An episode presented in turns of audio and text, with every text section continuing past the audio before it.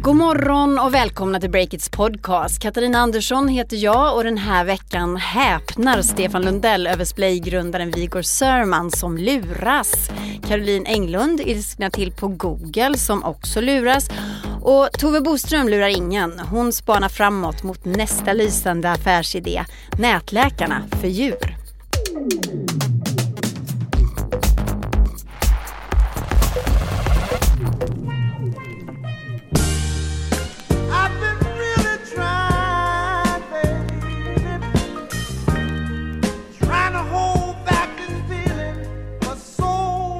Det är fredagen den 15 februari, dagen efter alla hjärtans dag. En romantisk köpfest. Enligt Svensk Handel så firar nästan varannan svensk alla hjärtans dag. Men det är långt ifrån den viktigaste köpdagen för handeln. Eh, vi handlar mer än vi gör både på mors och fars dag. Men siffrorna visar också att 14 procent av alla hjärtans dag-firarna spenderar mer än 500 kronor på till exempel smycken, choklad och romantiska middagar.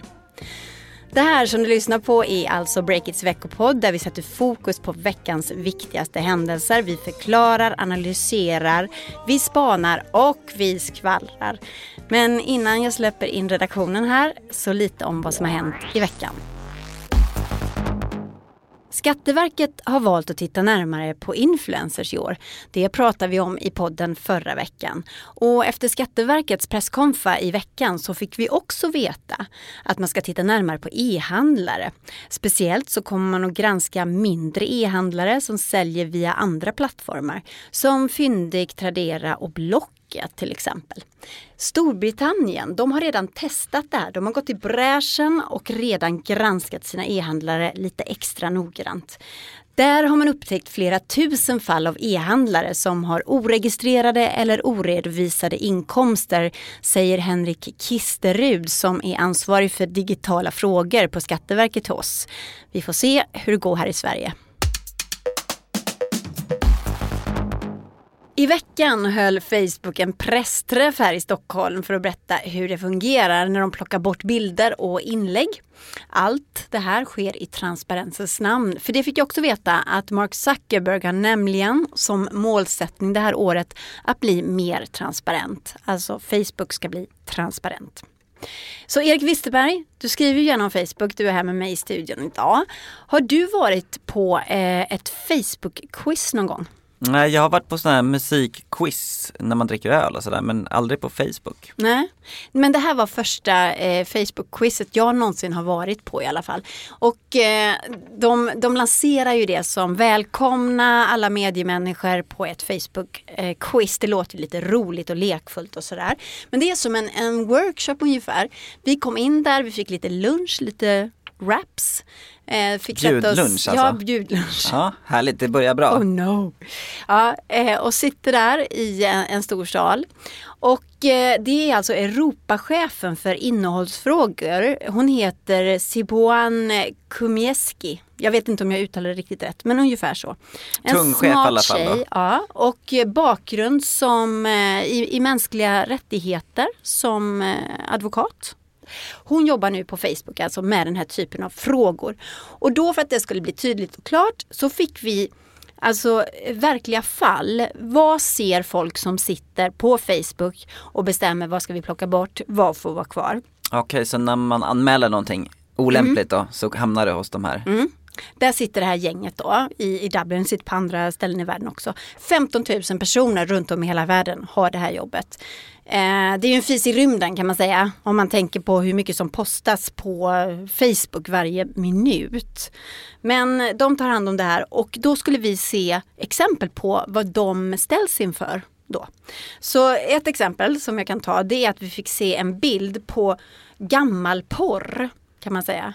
Alltså en, en svartvit eh, porrbild där människor på 20-talet eller någonting i diverse samlagsställningar som någon hade postat på. Vad är det som är så roligt? Erik? Nej, jag bara tänker liksom, det har gått, eh, det var länge sedan det var svartvitt och, och sådär. Vintageporr Mm. Jag kan, helt bara, enkelt. ja, jag kan bara avslöja att de hade konstiga ställningar på 20-talet. Hur som helst, de här porrbilderna då, gammelporren, eh, vad tycker ni vi ska göra? Frågade innehållschefen. Ska vi låta det vara kvar om någon postar det eller inte?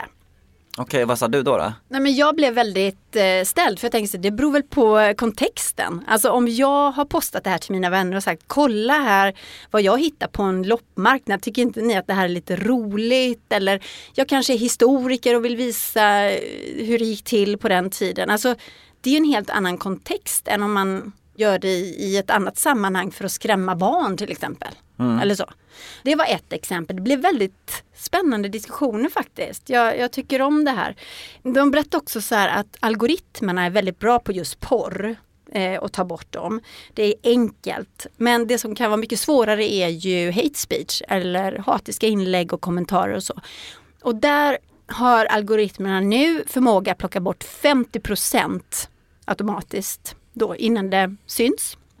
Satir och ironi är också väldigt svårt. Men vad tycker du om allt det här Erik? Att vi, att vi sitter där och ja, får inblick i hur Facebook jobbar.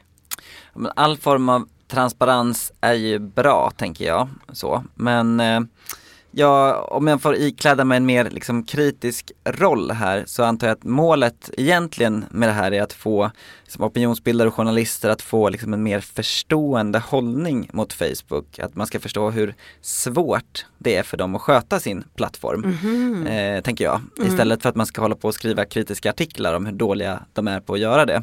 Och de har ju säkert goda avsikter i det här men jag kan ju tänka att Facebook har liksom så sjukt hög lönsamhet att de borde kunna lösa det här bättre genom att själva anställa mycket mer folk. Och deras plattform tycks ju ändå fortfarande, eh, som jag upplever vara riggad så att de, det mest arga och uppviglande innehållet fortfarande vinner i algoritmerna. Och där är det mest extrema exemplet folkmordet på rohingyer där Facebook missade ett crescendo av poster och desinformation som gav bränsle åt en etnisk rensning i Myanmar som det stod eh, när New York Times skrev om den rapport som Facebook själva beställde om den saken. Så att, lite så här sätt att skifta fokus på ett ganska smart sätt och också på ett transparent sätt. Då. Men Mm, och en sak som jag funderar på också, det är ju eh, hur de här människorna som sitter runt om i hela världen och tar hand om det, här- om det här innehållet. Vilket jobb alltså! Och det vill jag fråga den här innehållschefen. Men då direkt så kom Peter Muster, du vet. Munster. Munster, ja. Det är den här Facebook-personen som vi alltid slår emot, vi journalister. Och eh, han är inte speciellt eh, taggad på att ge oss intervjuer, inte den här gången heller. Så jag fick inte fråga det tyvärr. vad vill du veta då? Hur, vilka de är eller hur deras Ja men jag jobb? vill veta, de måste ju ta hand om de anställda som sitter och tittar på den här skiten dag ut och dag in. Just det. Du kan ju ta med den till Facebook, eh, den frågan nästa gång du träffar dem. Man skulle hemskt gärna vilja intervjua en sån person. Ja. Mm. Erik Wisterberg, han har också läst mediebjässens Schibsteds rapport när den kom i veckan. Och den visar att flaggskeppet Aftonbladet blöder. Intäkterna minskar med 9% i norska kronor räknat. Och om inte något händer så kommer Aftonbladet tvingas att spara, kanske sparka journalister eller vad tänker du, Erik? Det allvarliga här och liksom lite historiska faktiskt är ju att Aftonbladets rena online-intäkter minskar. Mm, det är Alltså, jättekonstigt, man har hört i, i liksom två årtionden nu hur himla bra det går, eller hur? Ja, i alla fall kanske eh, ett halvt årtionde. Jag, eh, exklusivt för dig Kat så grävde jag ännu djupare här, jag älskar ju att läsa rapporter. Så Ja. då gick jag tillbaka och läste i Schibsteds alla kvartalsrapporter så långt bakåt jag kunde hitta för sista kvartalet eh, varje år. Och det här är faktiskt första gången sedan de började särredovisa onlineintäkter som de minskar under ett fjärde kvartal. Så att det var lite det jag ville trycka på att det här är ju en siffra som ska öka Ja. eh, allt annat lika. ja. Och nu så ser man att den backar och eh, Aftonbladets printintäkter håller på att kollapsa. Så att eh, ja, om man tittar på vad som händer med Buzzfeed, Vice Media, alla de här stora räckviddsmedierna i USA som får sparka liksom folk i drivor. Så eh, tror jag att Aftonbladet står på en liten tipping point just nu och de måste hitta sin väg fram på ett annat sätt än vad de gjort hittills. Och var det här jättestora nyheter i, i, i branschpressen? Det var lite sjukt faktiskt för att jag kom in lite sent till jobbet en dag så tittade jag runt för jag visste att Chips skulle komma med en rapport och så började jag kolla Resumé och Dagens Media, Journalisten, Medievärlden och jag har ju själv jobbat på en av de här eh, tidningarna. Och så såg jag inget, det stod ingenting om rapporten överhuvudtaget så då var jag nästan, eh, trodde jag kanske tagit fel dag eller någonting. Ja, kanske inte hade kommit någon rapport eller man vet ju aldrig eh, så. Men de hade inte skrivit någonting alls, vilket var väldigt märkligt tycker Ja. jag då. Ja. Och eh, du fick också massa reaktioner såg jag när du postade den här artikeln i en Facebookgrupp. Och, och folk började klaga på branschpressen att de inte sköter sig och inte, inte granskar sina mediebolag ordentligt. Ja, det intressanta är ju att de, eh, tre av de här spelarna ägs ju nu av samma företag, Bonnier. Och det här visar ju lite vad som händer om man får vara elak då mot min eh, förra arbetsgivare. Att om man liksom inte har den här stenhårda konkurrensen med någon Mm, annan utan mm. att alla sitter under samma pa- paraply. Då kan man lätt bli lite eh, slapp helt enkelt. Mm. Och eh, jag vill skicka ut det till, till mina gamla kollegor att nu får ni eh, ställa er på tårna lite grann och eh, göra ert jobb helt enkelt för att annars blir man inte relevant. Annars kommer Erik Wisterberg och kör över den. Ja, så vill jag kanske inte säga men eh, jag kunde ju då eh, liksom glida in till jobbet lite sent och plocka den där pucken, eh, vilket var ju bra för mig.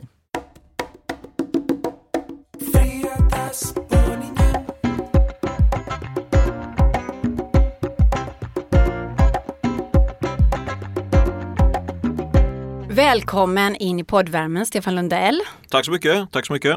Du, eh, förra fredagen så kände du dig kränkt av kunder som inte hörde av sig. Och den här gången så känner du dig lurad. Du är Ja. som en vit kränkt man Stefan. Jag har alltid offerkoffan på mig. Den värmer så skönt. Nej, nej, men, Vad är det nu eh, då?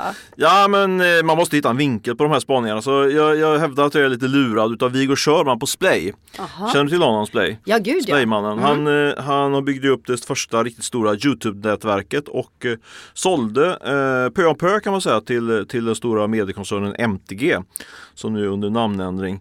Eh, och ja, varför känner jag mig lurad eller lu, ja, lu, vi säger det, lurad utav Svigor. Det var nämligen så här att eh, jag sprang på honom för ett par, fyra, fem månader sedan var det väl och eh, då efter att ha hört hans dragning på vårt event eh, Scale Up Day så sa jag till honom att jag slår vad om att du kommer sluta på, på eh, Splay inom sex månader. Och detta var för att han hade sålt då hela sitt bolag. Ja det är väl det som är min poäng. Alltså när man, har, när man väl har cashat in som entreprenör och sålt till, eh, till eh, en större aktör då brukar man normalt sett när man pratar med journalister som mig säga så här att det här kommer vara för evigt. Jag, vi kör på in i kaklet och eh, fortsätter egentligen som vanligt. Men efter 12 till 18 månader så har de alltid hoppat av. Eh, och det var där jag tyckte jag spanade eh, i Vigors eh, dragning där på vårt event. Så han sa alltså att han skulle fortsätta, du sa no, no, no, jag tror det inte. Hur såg han ut då när du sa det? Han såg, jag såg en viss tveksamhet i hans ögon och, i läpparna och darrade lite grann när jag sa att eh, vi skulle slå vad om en fin lunch då. Men sen så fann han sig rätt snabbt och sa absolut, jag stannar kvar och eh, grappade min, min karda. Men eh, det, det står honom i dykt nu. Jag kommer jag kunna kassera in en lunch på honom vilket känns bra. Han har lurat dig, alltså du känner dig lurad. Jag ser en parallell här lite med politiker. När ryktena började spridas då om att Björklund skulle hoppa av som partiledare för Liberalerna så var det först nej, nej, nej, nej, stämmer inte, stämmer inte. Och sen står han plötsligt där på en presskonferens och hoppar av. Han gör precis tvärtom, han har sagt tidigare då.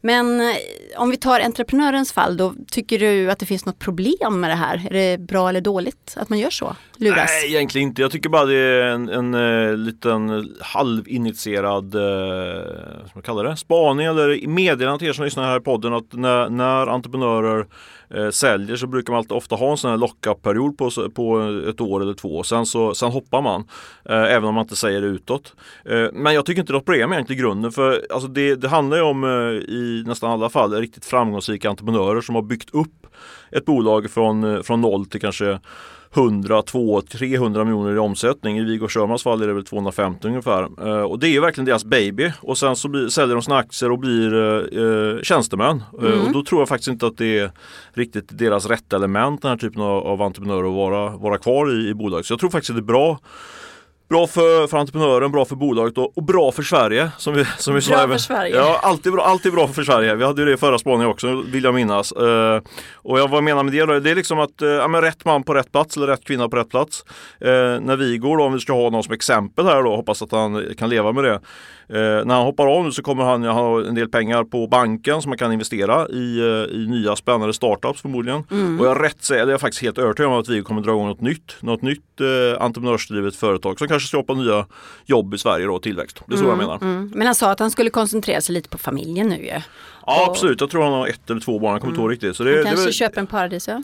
Nej men det tror jag inte. Nej jag är rätt säker på att han kommer, det ser man ju med de här, man kall, brukar kallas för serieentreprenörer. Eh, vi går över runt 40 tror jag och eh, han har absolut minst ett eller två eh, bolag i sig så att säga. Så det tror jag att det kommer, det, nej det, den tendensen ser man inte alls på de här nya tidens entreprenörer utan de startar ju nytt igen. Du, baserat på din spaning, vilka entreprenörer kommer att hoppa av nu då? Det här året, 2019? Ja, men spontant tänker jag ju på, på eh, Carl Waldekrans, eller Carl W. Rivera som han heter nu. Han som drog den här, den här e-handelsplattformen Ticktail. Eh, den såldes ju eh, till, eh, till, det var ju inte någon jättelyckad exit, eh, såldes nu för till Shopify för ett par månader sedan. Eh, han är jag rätt säker på att han kommer att hitta på något annat inom de närmaste månaderna. Samma sak det med Jakob De Geer som sålde iSettle och cashade in hur mycket pengar som helst. Eh, han tror inte heller kommer vara så långvarig på iSettle om jag ska få, få spå i framtiden. Och, och de eh, kanske agerar lite tjänstemän menar du nu då? Ja, de är ju inlåsta liksom och då, då är det bara att bita ihop. Det är klart att det är bra att ha kvar entreprenörer under en övergångsperiod liksom, för de kan ju hela bolaget. Men, men jag tror att mycket handlar om att man, man lämnar över mer än att man bygger något nytt. Du, när vi ändå är inne på spekulationer, så förra veckan så, så släppte du en hel del finansskvaller här i podden. Jag hoppas att du har det den här veckan också. Vad har du grävt fram? Ja, eh, jag har en kombination utav, eh, utav eh, hårda konkreta affärer och lite mer spaningsaktiga saker. Jag drar de konkreta affärerna först. Eh, jag hörde precis faktiskt här, inte precis men för ett par timmar sedan när jag pratade med en person att eh, två e-handelssajter nu är på väg ut till försäljning. Det är Bangerhead och Parfym.se. Parfym.se har man sett en hel del reklam för. Det är två sådana halvstora e-handelsspelare som, som man nu kan shoppa om man har lite pengar, några miljoner över. Eller kanske några hundra miljoner över, jag vet inte. Spännande. Ja. Vad, vad mer då? Ja men sen har jag varit på, jag har varit runt och träffat lite finansgubbar kan man säga. Den tyngste är väl Harald Mix, känner du till honom? Nej, vem är han? Skönt efternamn, det är snart Ja. en gammal en dalkarl är det i 60-årsåldern. Han har dragit igång ett bolag som heter, eller ett riskkapitalbolag som heter Altor. Det gjorde han för typ 15 år sedan. Och skulle jag säga är ju en av Sveriges framgångsrikaste investerare. Eh, Jag träffade honom på en, på en hamburgerbar faktiskt. De hade en, en grej där för journalister här i, i veckan. Eh, han har haft, eh, genererat en avkastning till sina investerare på över 35 procent. Det är helt otroligt faktiskt, det är år Oj. ut och in. Eh, det är en sån här, sån här siffra som vi siffernördar tycker är spännande att höra. Men det som Harald då, anledningen jag tycker det är kul att lyfta upp Harald då, han, han sitter då som eh, indirekt ägare i ett, eh, ett ra, en rad stora bolag på den svenska marknaden. Eh, Och vi snackar här, jag tror för på någon månad sedan ungefär, om den här konjunkturavmattningen som vi såg. Eh, Stefan Ingves, riksbankschefen, snackar ju också om att han inte ser någon sån avmattning än så länge. I alla fall vad jag hörde när jag, när jag lyssnade på intervjun med honom. Och det, Harald Mix håller med där. Han ser liksom ingen avmattning bland sina bolag, vilket jag tycker var intressant faktiskt. eh, Och ger lite hopp här för en entreprenör. Att det, det är inte riktigt nattsvart än på, med konjunkturen. Men gud vad skönt att höra. Ja visst är det. Visst Tror du att han sa det bara för att eh, han träffade en yngre entreprenör som jobbar i mediebranschen och Så- behöver höra något gott? Så, så desperat ut. Nej, eh, nej det tror jag inte. Harald eh, brukar vara rätt ärlig så. Han, däremot så det han var rädd för det var liksom så enskilda händelser som skulle kunna utlösa en riktigt riktigt tung eh, eh, nedgång i ekonomin. Till exempel då det här handelskriget som, som ändå är lite lågintensivt mellan Kina och USA då, eller om det smäller i Nordkorea eller något liknande. Han trodde mer på, eller, eller han var mer oroad för sånt då än än om man tittar på liksom den, den vanliga ekonomin så. Mm, det är ju det jag säger Stefan, du är en duktig journalist. Där står du och tuggar hamburgare med riskkapitalisten liksom. Och får fram alla de här nyheterna. Ja, men Ja, bra jobbat. Skönt att höra, skönt att höra. Mm. Har du något mer? jag var med, sen snackade jag med Hjalmar Winblad, känner du till honom? Nej det gör jag inte heller. Sorry, jag jag sett det här på det, är inte meningen. Ja. Nej men Jan Wiberg är ju en profil. Han drog, har ju dragit igång, eh, han är ju entreprenör som nu har blivit riskkapitalist och drog igång en, en stor riskkap- eh, techfond eh, i, inom EQT-sfären som är Wallenbergarnas riskkapital eh, tjofräsan kan vi kalla det. Eh, han, har, han har ett antal miljarder på, på inte på sin egen ficka då, men som han förvaltar. Och det som jag tyckte var kul att höra från Al- Hjalmar, jag har faktiskt missat det att, eller jag har inte missat att de sålde ett utav in, ett utav sina stora innehav som är, var en finländsk eh, spelstartup som heter Small Giant Games. Men det jag hade missat var att det gick så himla bra när de sålde den. De tjänade, fick loss en, eh, Väldigt massa pengar. Jag har innan jag snackade med Hjalmar hört att det gått si sådär för den där EQT-fonden. Men det är helt fel. Det har, de har faktiskt tagit in hälften, alltså hälften av de pengar som stoppats in i fonden har de redan fått tillbaks. Vilket är väldigt, väldigt mycket på, på en sån eh, långsiktig investering som det ändå är ett venturebolag. Så det var spaning från Hjalmar. Eh, det går väldigt bra där också. Eh, bara positiva spaningar så här långt. Och avslutningsvis, Ja, då snackade jag med eh, Jonas Norlander eh, som drev eh, eh, Blocket-kopian i Ryssland, Avito. Eh, och han eh, cashade in sig sådär 2 miljarder här för häromveckan. Eh, spännande att höra hur, hur det kändes helt enkelt. du säger det så casual. Ja, Han det- cashar in två miljarder. Ja, det är galet. Ja, men vi gjorde, det- faktum är att när jag fick eh, Jonas på tråden här så var det inte alls utan då var det verkligen så, hur är det egentligen? Hur känns det liksom att casha Ja, in så mycket ja. pengar? Eh, och eh, jag vet inte, Jonas ville väl inte gå in så på detaljer och grejen att han har redan cashat in en gång. Han har ju sålt i två steg så att säga det här bolaget. Så han, har, Mm. han är ju redan väldigt, väldigt rik. Eh, en kille, jag tror han är gamla ungefär, 45 40-45 års åldern han. Eh, nej men han sa väl att det är, du vet, det är lite blandade känslor. Det är inte bara, det är inte bara liksom, det, ja, vad ska man göra nu liksom? De har massa Ja, pengar tror jag. det. Eh, Men jag, det jag tror han ska göra, vilket jag blir lite förvånad över, han, han eh, eh, kommer nog dra igång något nytt igen faktiskt. Eh, Vilket eh, var en ny- nyhet för mig. Hur fick du den känslan då?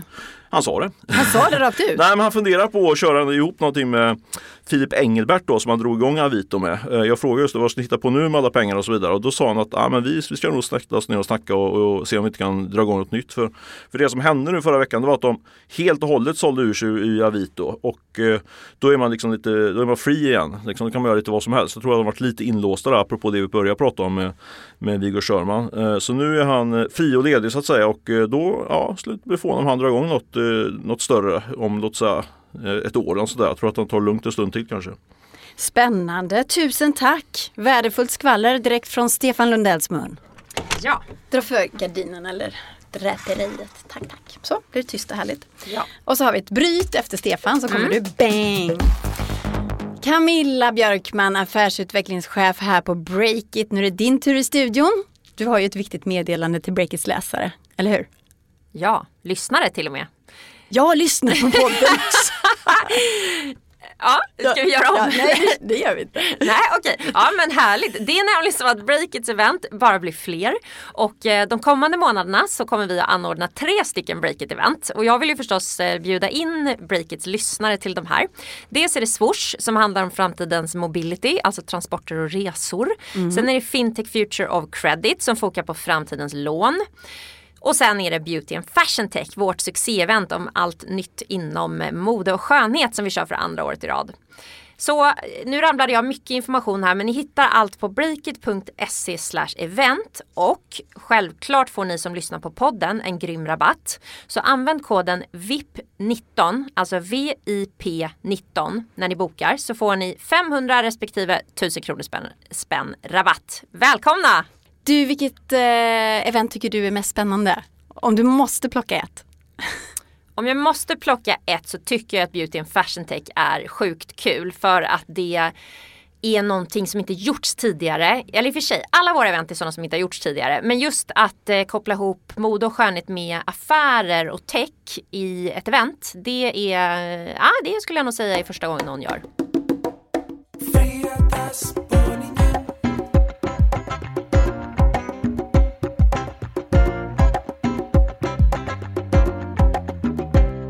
Välkommen som spanare i Breakits podcast, Caroline Englund. Tack så mycket. Som är tillbaka på jobbet efter mammaledighet. Extra välkommen då. Tack. Vad är det som har hänt på din front i veckan? Jo, jag blev lurad i helgen. Lurad? Ja. Jag skulle boka teaterbiljetter och som man gör så googlade jag på teaterns namn, hittade en bra bokningssajt och slog till väldigt snabbt. Mm. Eh, Men ganska snart upptäckte jag att eh, jag hade bokat jag hade hamnat på en sån här andrahandssajt och eh, bokat biljetter som var lite väl dyra. Jaha. Och dessutom så fanns det ju biljetter kvar på, eh, hos arrangören till typ halva priset. Åh nej, du är så ägd Karo. Ja. Men hur menar du att du känner dig lurad då? Ja, egentligen var jag kanske inte lurad för att eh, det är ju helt lagligt att göra så här och sälja biljetter i andra hand. Mm. Eh, utan det kanske var jag som var lite slarvig då. Mm. Men eh, jag kände ändå att eh, det framgick inte helt tydligt att det här var en andrahandssajt. Och, du, Och- den kanske låg liksom högst upp den här länken. Den var bara så här enklast att Ja, klicka precis. på. Första bästa, man sitter där och bara klickar Mm. och fortsätter. Och när jag ringde då till Konsumentverket för att kolla upp om det var andra som också hade känt som jag, så var det så. Det fullkomligt rasar in anmälningar till Konsumentverket från personer som har köpt eh, biljetter till olika evenemang på andrahandssajter utan att riktigt förstå att de har handlat på en andrahandssajt Ja. förrän det är för sent då. Men kan Konsumentverket göra någonting åt det här? Eller säger de bara så här, ni får skylla er själva? Det de tycker är att eh, det behöver vara tydligare att man är på en andrahandssajt. Mm. Men själva grejen att sälja biljetter i andra hand, det är inte olagligt i Sverige. Nej. Och, och varför händer det här då? Det är för att eh, de här bolagen köper trafik på Google och de handlar högst upp. Och vi har blivit så vana vid Google att vi ser Google som en objektiv kompis eller kanske som en bibliotekarie som vi kan hålla i handen och som leder oss till rätt svar. Mm. Men så enkelt är det inte. Nej, Google är ju inte vår kompis, det är ett techbolag som vill tjäna pengar. Oj, det var hårda ord Karo. Är du rättvis nu?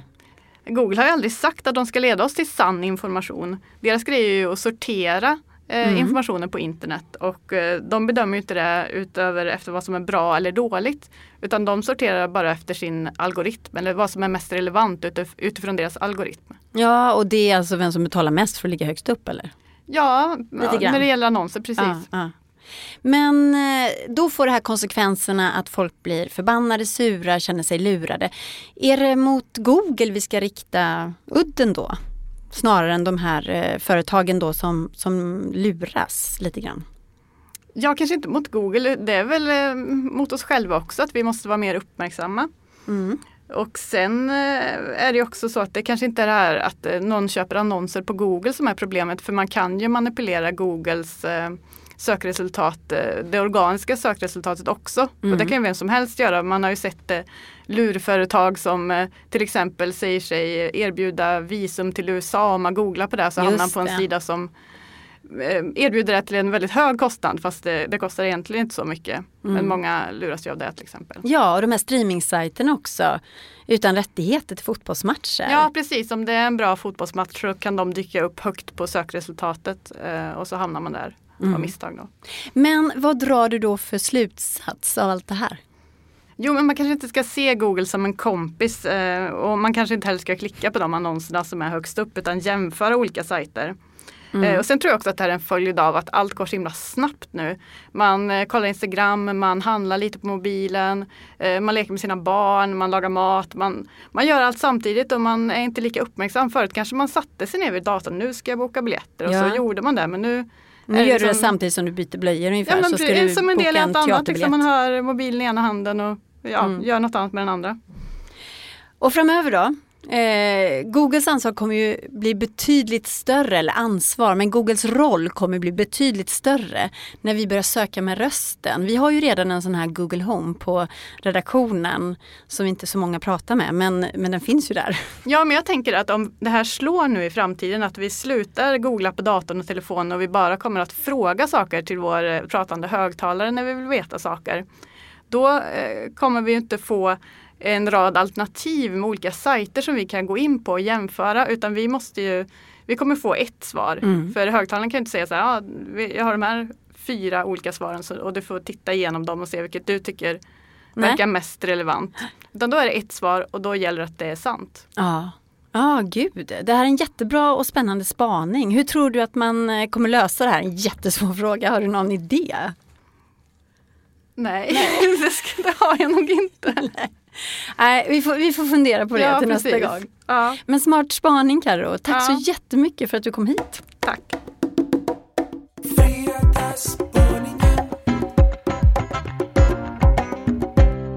Nu är det Tobias Blix, reporter här på Breakit. Välkommen som spanare. Tackar, tackar. Förra veckan så pratade vi, du och jag, här i podden om eh, civilminister Shekarabi och med honom också faktiskt. Han har ju ilsknat till på spelbolagen och deras aggressiva spelreklam. Och Shekarabi han hotade med att strypa nätkasinoreklamen och han kallar till sig spelbolagen för ett möte. Det här hände idag när vi spelar in det här på alla hjärtans dag. Och du var där Tobias. Berätta. Ja men precis. Eh, Och den stora nyheten då från detta möte som Shekarabi presenterade är att han har väl gett spelbolagen ett ultimatum egentligen. Till den 31 mars, då ska de ha hittat en egen lösning Eh, Och har de inte gjort det, då kommer man att börja jobba på att ta fram en reglering för att ja, minska eller stoppa reklam. Det är ju li- lite oklart exakt vad det här ska leda till. Då. Men det ska bli mindre reklam. Mm, de måste komma fram till en lösning själva och så måste de komma med, med den i ett litet paket till civilministern eller? Och presentera Ja, den. men, ungefär så. Ah, spännande. Men, men jag vill bara veta hur, hur stämningen var på det här mötet. Alltså, han var ju ganska tuff i förra podden om man lyssnar på intervjun där, Shekarabi. Han var ju rätt ilsken. Var han otrevlig mot spelbolagen som kom dit? Vi fick ju inte vara med på själva mötet, eh, men som jag förstod det då på Shekarabi så är det två som har fått uttala sig. Två? Eh, Ja, och de är företrädare från två branschorganisationerna då. Men Mm. det finns ju 70 ungefär spelbolag som har fått licens nu och de här representerar ju långt ifrån alla de bolagen. Mm. Hur många var det som var där och var alla de här 70 där tror du? Du har ingen aning? Det vet jag faktiskt inte. Du såg inte när de var, gick in eller nej, sådär? det var, mötet var väldigt avskilt. Vi, vi journalister satt i det lilla konferensrummet och väntade så snällt på Shekarabi som skulle Jaha. komma och förklara vad som Så var de hänt. höll isär journalisterna mot äh, spelbolagen? Ja, det, vi, vi, vi fick sitta och vänta helt enkelt. Ja, okej. Jag fick faktiskt en väldigt spännande Facebook-vänförfrågan förra veckan av just Shekarabi. Jag Har du också fått det? Nej, jag har ju inte det. Tänk jag, om han ju- lyssnar på podden. jag har ju en ganska hemlig Facebook, men eh, nej, jag fick aldrig någon vänförfrågan. Är du avundsjuk? Lite.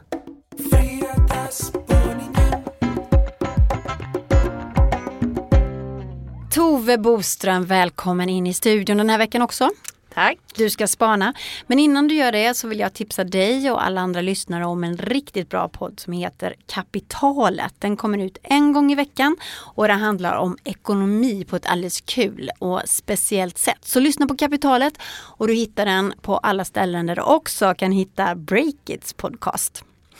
Tove, nätläkare som min doktor och Kry, det har ju du skrivit väldigt mycket om här på Breakit.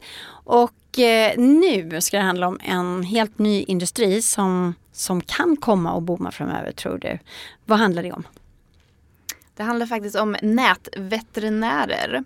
Nätläkare för djur? Ja, precis. Ehm, och det borde finnas en rad faktorer som vittnar om att det här eh, åtminstone borde bli nästa stora grej. Eh, dels för att det bara finns ett fåtal spelare på marknaden i nuläget och nätläkarna har ju redan lagt grunden för det här beteendet så att säga. Men också för att djurägare är en väldigt, väldigt köpstark grupp. Hur menar du då? då?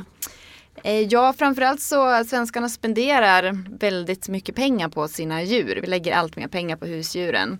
SVT rapporterade i början av förra året att det handlar om hisnande 16 miljarder kronor årligen. Här i Sverige bara? Ja, men då snackar vi inköp av djurfoder, utrustning, försäkringar. Men vi bryr oss väldigt mycket om våra djur och är beredda att lägga väldigt mycket pengar på dem också. Mm, och sen har det ju dykit upp såna här lyxvaror för djur. Alltså spa för hundar och, och, och hundglass har jag också hört talas om. Mm, Otroligt dyr.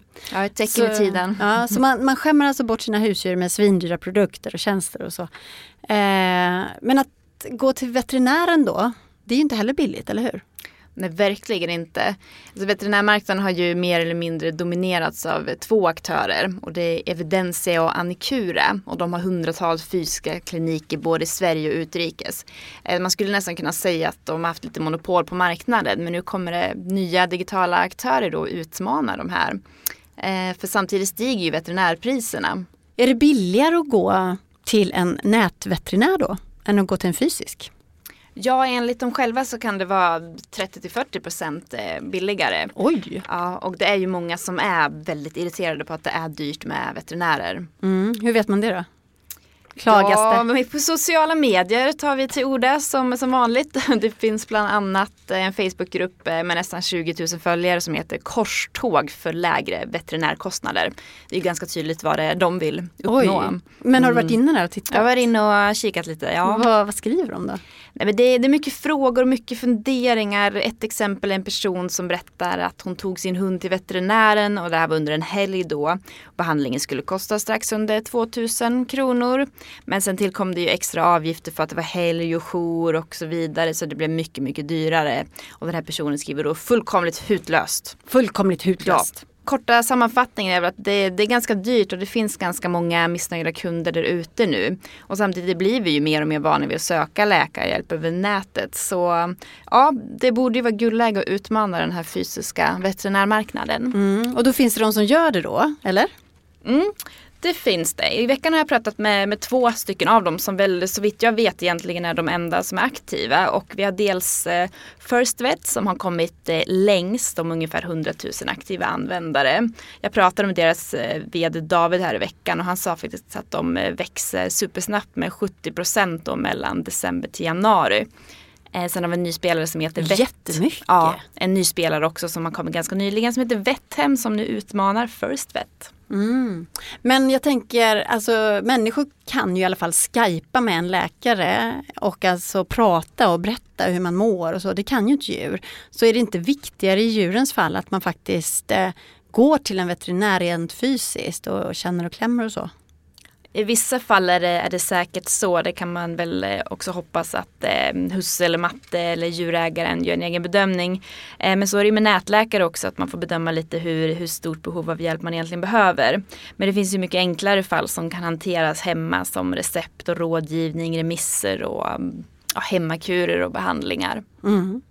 Okej, okay, så din eh, totalspaning framöver här då när det gäller de här eh, nätläkarna för djur? Ja, en sammanfattning. Eh, riskkapitalbolagen tror ju verkligen på de här aktörerna. Vi har eh, First Vet som jag pratade om nyss då som bland annat har tagit in 53 miljoner och där har vi bland annat eh, Creandum då som backar, som även backar Kry ska tilläggas. Mm. Eh, sen Vetthem stängde precis en ny runda och de har faktiskt eh, Apotias ägarbolag i ryggen sedan tidigare.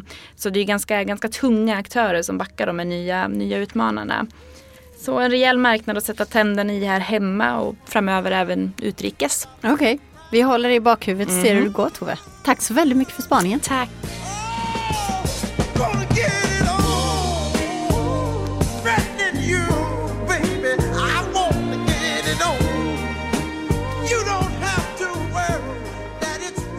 Den här veckans upplaga av Breakits podcast är slut. Lyssna på oss nästa fredag.